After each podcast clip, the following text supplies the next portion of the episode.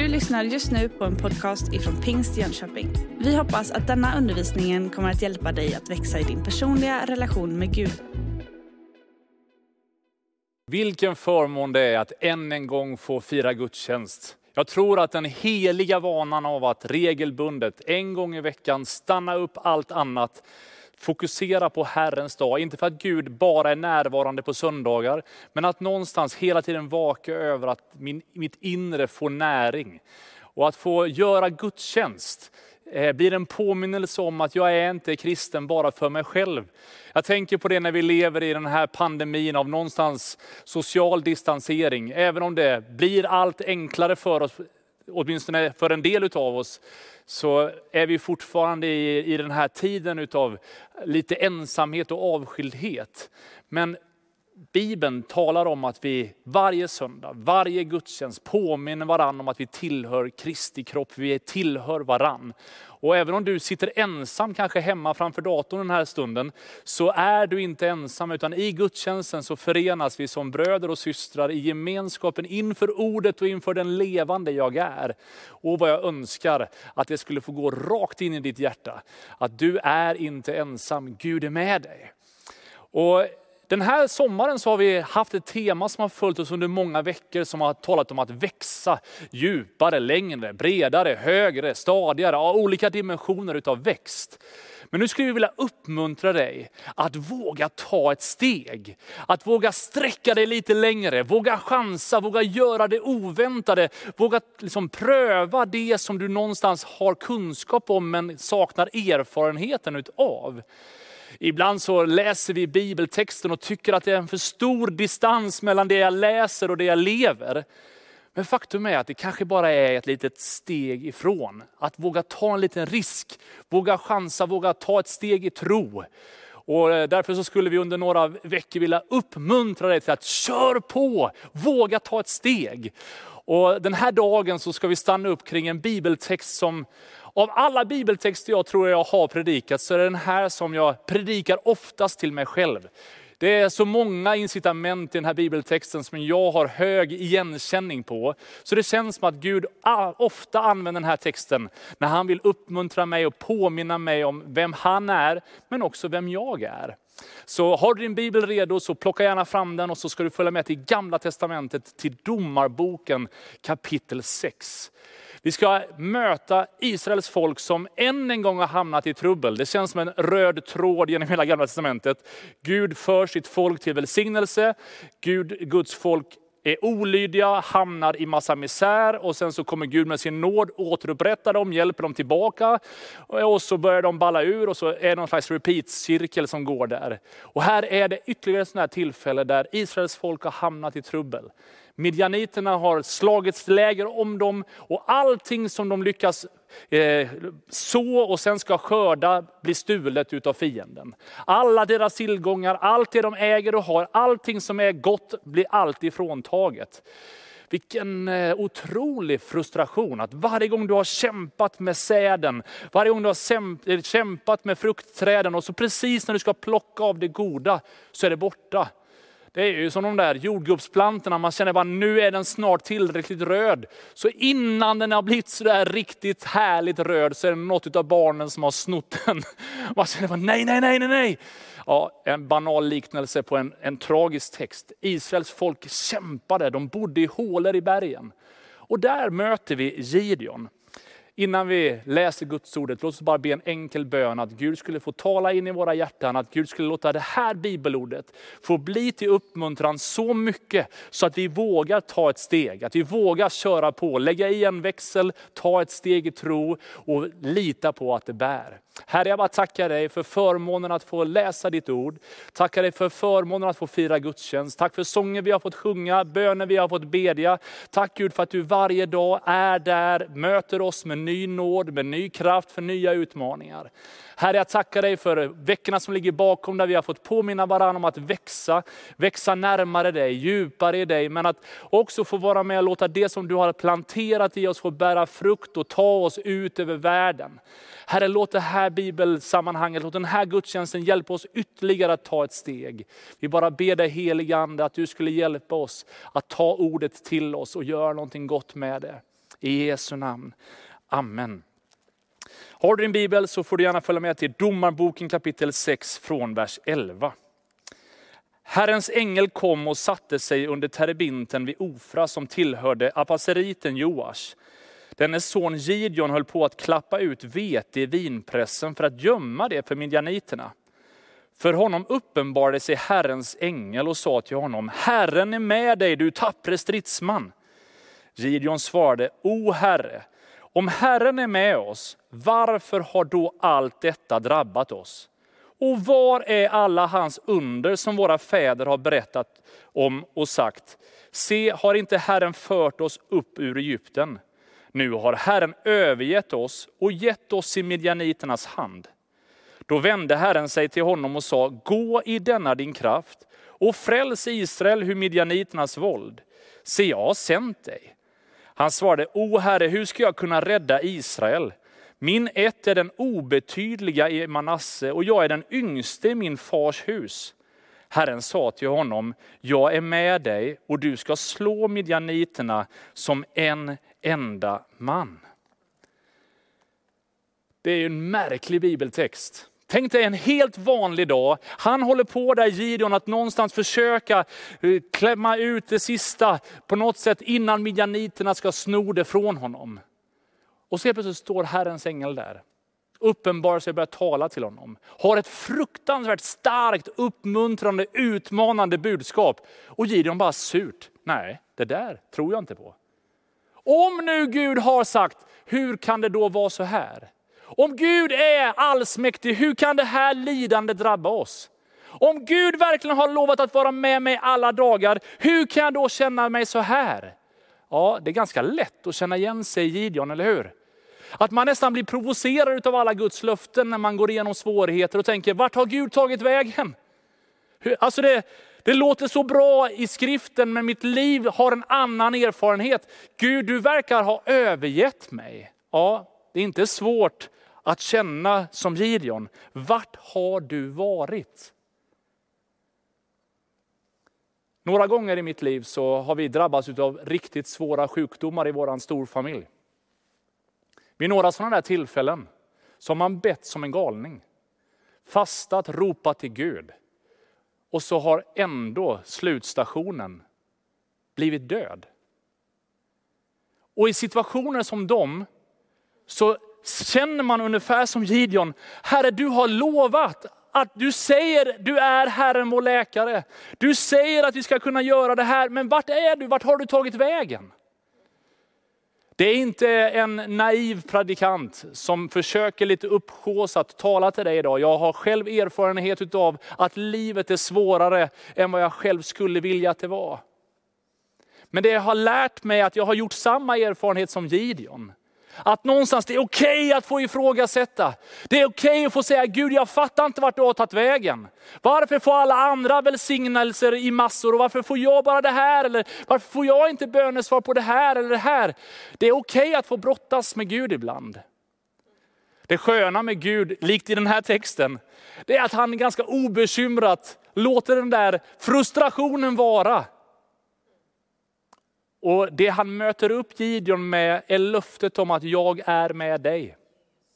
Det verkar vara viktigare för Gud att säga vem han är och att han är närvarande än att försöka teologiskt förklara för Gideon hur ondskan kom till och den fria viljan och hela teodicéproblemets liksom lösning. Han är mer mån om att du och jag ska få göra erfarenheten av att han, den levande jag är, som har besegrat döden, som har himlen förberedd, faktiskt säger, jag är med dig.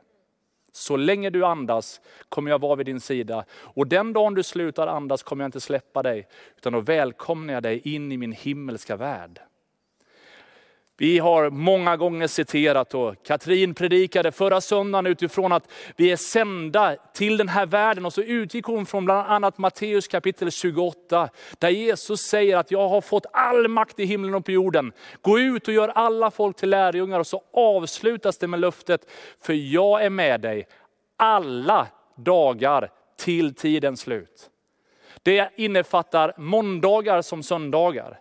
Det innefattar glada dagar som sorgedagar. Det är bröllop, det är begravning, det är barns födelse och det är sjukdomar.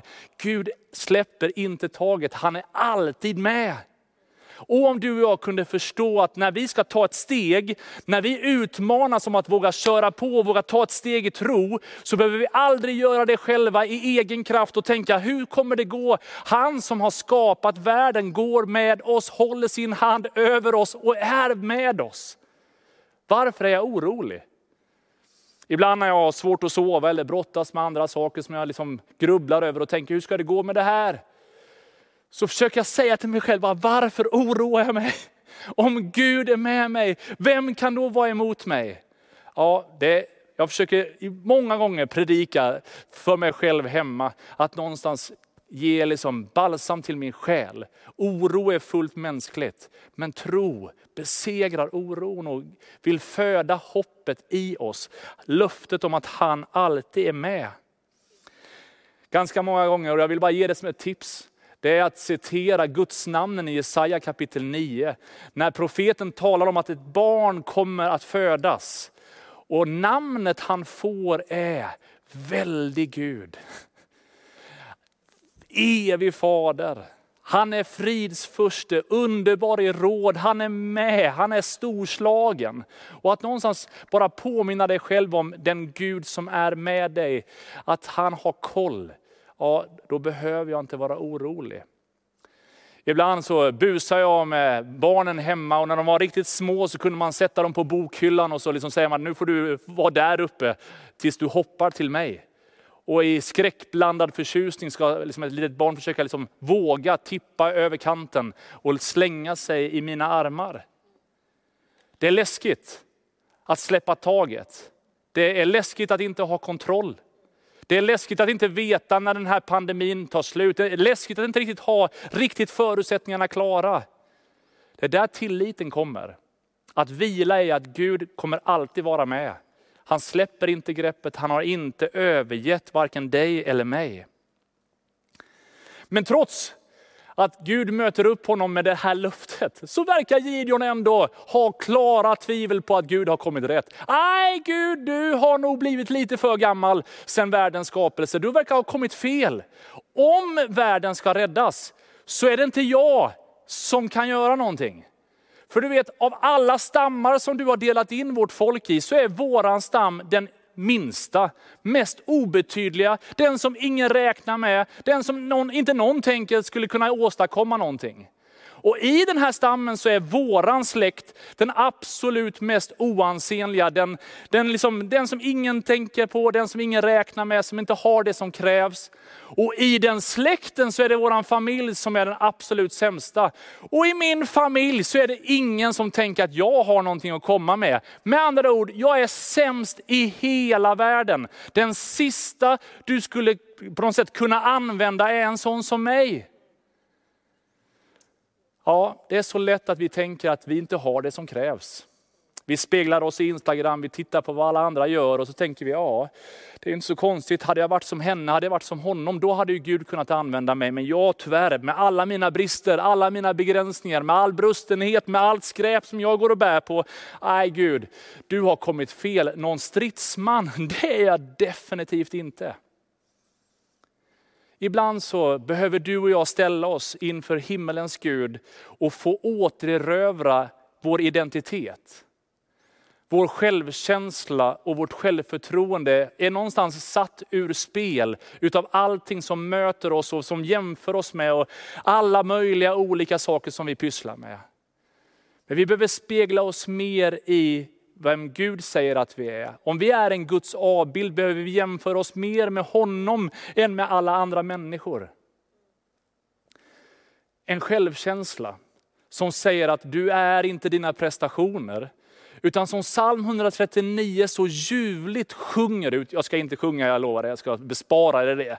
Men han sjunger ut och säger att innan jag ens var formad i jordens djup. Innan jag ens hade tagit mina första andetag så såg du mig, utvalde mig. Och du har skapat mig övermåttan underbar. Spelar ingen roll hur du gömmer dig i vassen när alla andra solar på stranden. Oavsett vad du tycker om dig själv och ditt utseende och dina egenskaper, så är du unikt skapad. Gud visste vad han gjorde när han skapade dig, vad han formade dig för. Du har ingen anledning att se ner på vad skaparen har gjort. Du är ett mästerverk i Guds ögon och du behöver börja se dig själv som ett sådant. Jeremia får en hälsning från himlen som säger att innan du ens formades i din mammas mage så utvalde jag dig, jag satte dig till att vara en profet för folken. Ibland tänker vi som att vissa andliga tjänster skulle vara en belöning efter lång och trogen tjänst. Om jag bara är en god scout och gör så att jag har alla mina olika nycklar till olika steg och grejer och kan alla knopar. Eh, hjälper gamla damer över övergångsställena i coronaavstånd med allt där. Ja, ni fattar. Om jag gör allting rätt, då kommer kanske Gud att belöna mig längre fram. Nej, långt innan du ens kunde prestera utvalde Gud dig. Långt innan du kunde göra massa saker så sa han, dig har jag tänkt för ett högt syfte. Du ska spela den här liksom, påverkan på historien. Alla är vi history makers som kan få vara med och göra skillnad för människor runt omkring oss. Du är skapad unikt. Vi ser i första Korinthierbrevet 12 att du och jag är skapade som kroppsdelar i en kropp. Och det vore oförskämt av handen att ha synpunkter både på funktion och eh, liksom hur det ser ut om jag är fot. Men om du är ungefär normalt skapad som du och jag, så vet du att foten och handen gör helt olika saker och är totalt beroende av varann. En del saker sitter till och med så mycket inne i kroppen så att de vore totalt osmakliga att någonstans se utanför kroppen. Men om de inte skulle finnas där och göra sin grej så skulle vi inte kunna funka. Du behöver göra din grej. Du behöver vara den du är. När Gud skapade dig annorlunda än mig så visste han vad han gjorde, för det skulle inte bli bra om många var som jag. Världen blir bättre när vi gör det som vi är skapade till. Och när vi gör det vi är skapade till så tar vi inte någon annans plats heller.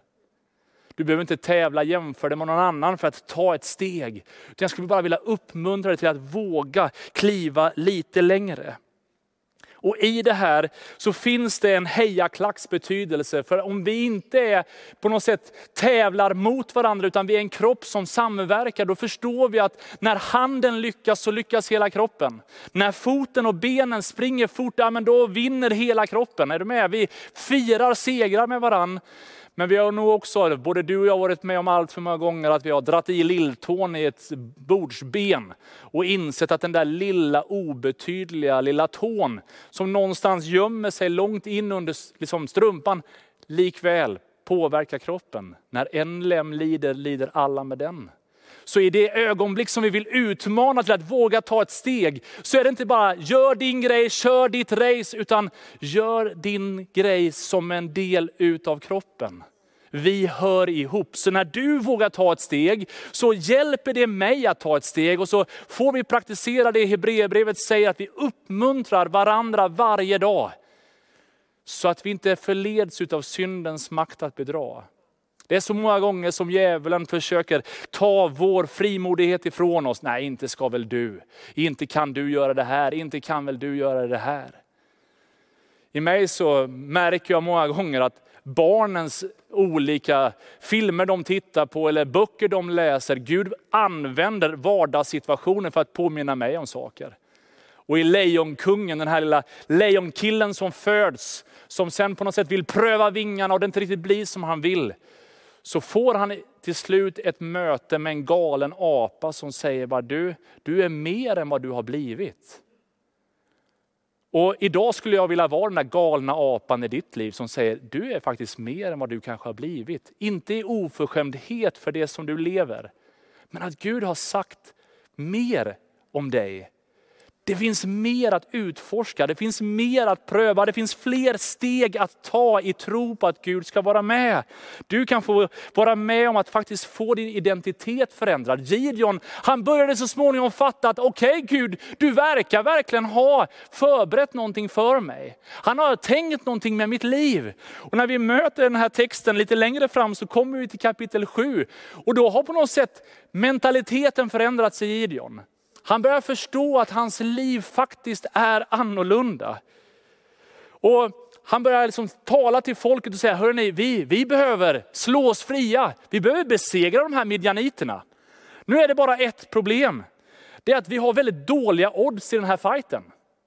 Fiendearmén är ungefär 137 000. Det är ju ganska mycket folk.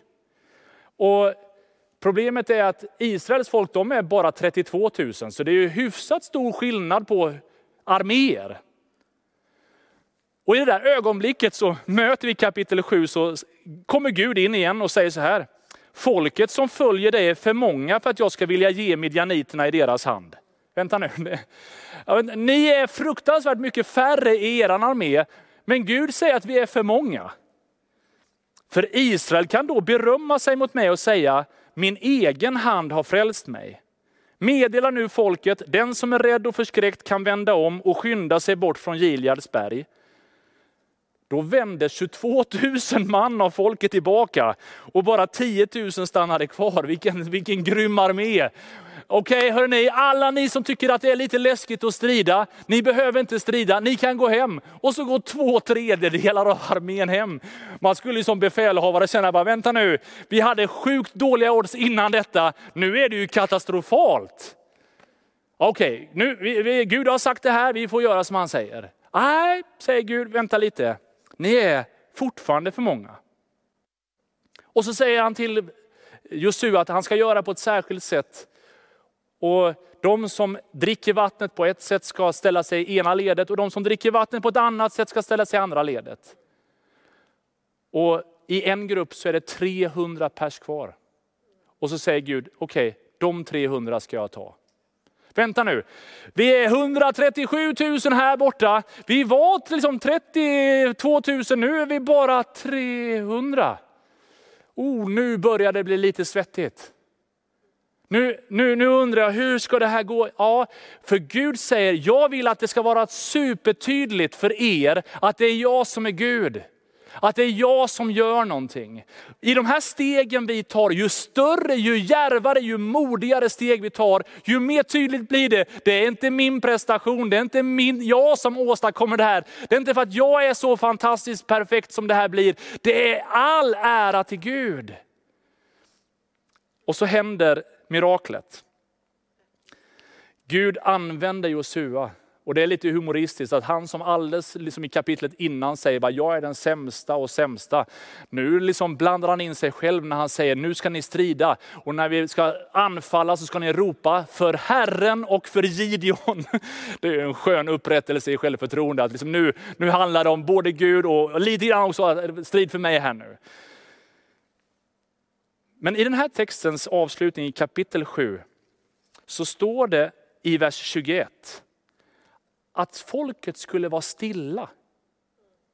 De där 300 som skulle strida som nu var, de på något sätt var ju modiga och kämpade.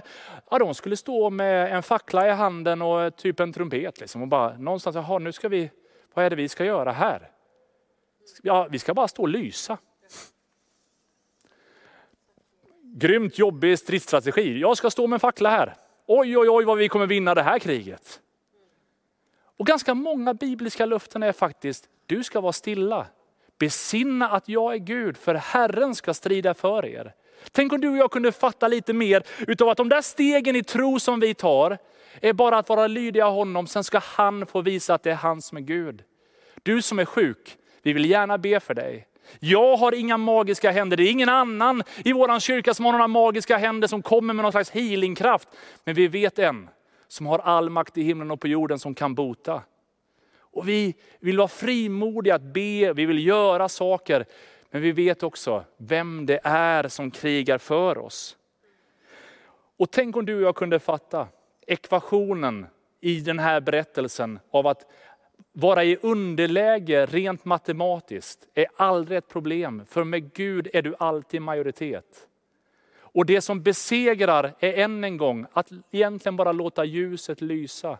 Så som Gideon höll upp den där facklan, så kan du och jag få vara världens ljus för vår familj, för våran släkt, för våran gata, för vår arbetsplats, för våran klass, vart vi än är. Kan vi få vara det där ljuset som gör att mörkret skingras. Och jag tycker det är coolt. Det spelar ingen roll hur mycket mörker du försöker fånga, så övervinner alltid bara lite ljus. När man är småbarnsförälder så är ju sommarperioden en utmaning. Hur ska man få en liten grabb att fatta att nu är det natt? Det är ju hur ljus som helst. Ja, ljuset har en förmåga att bara driva undan mörkret.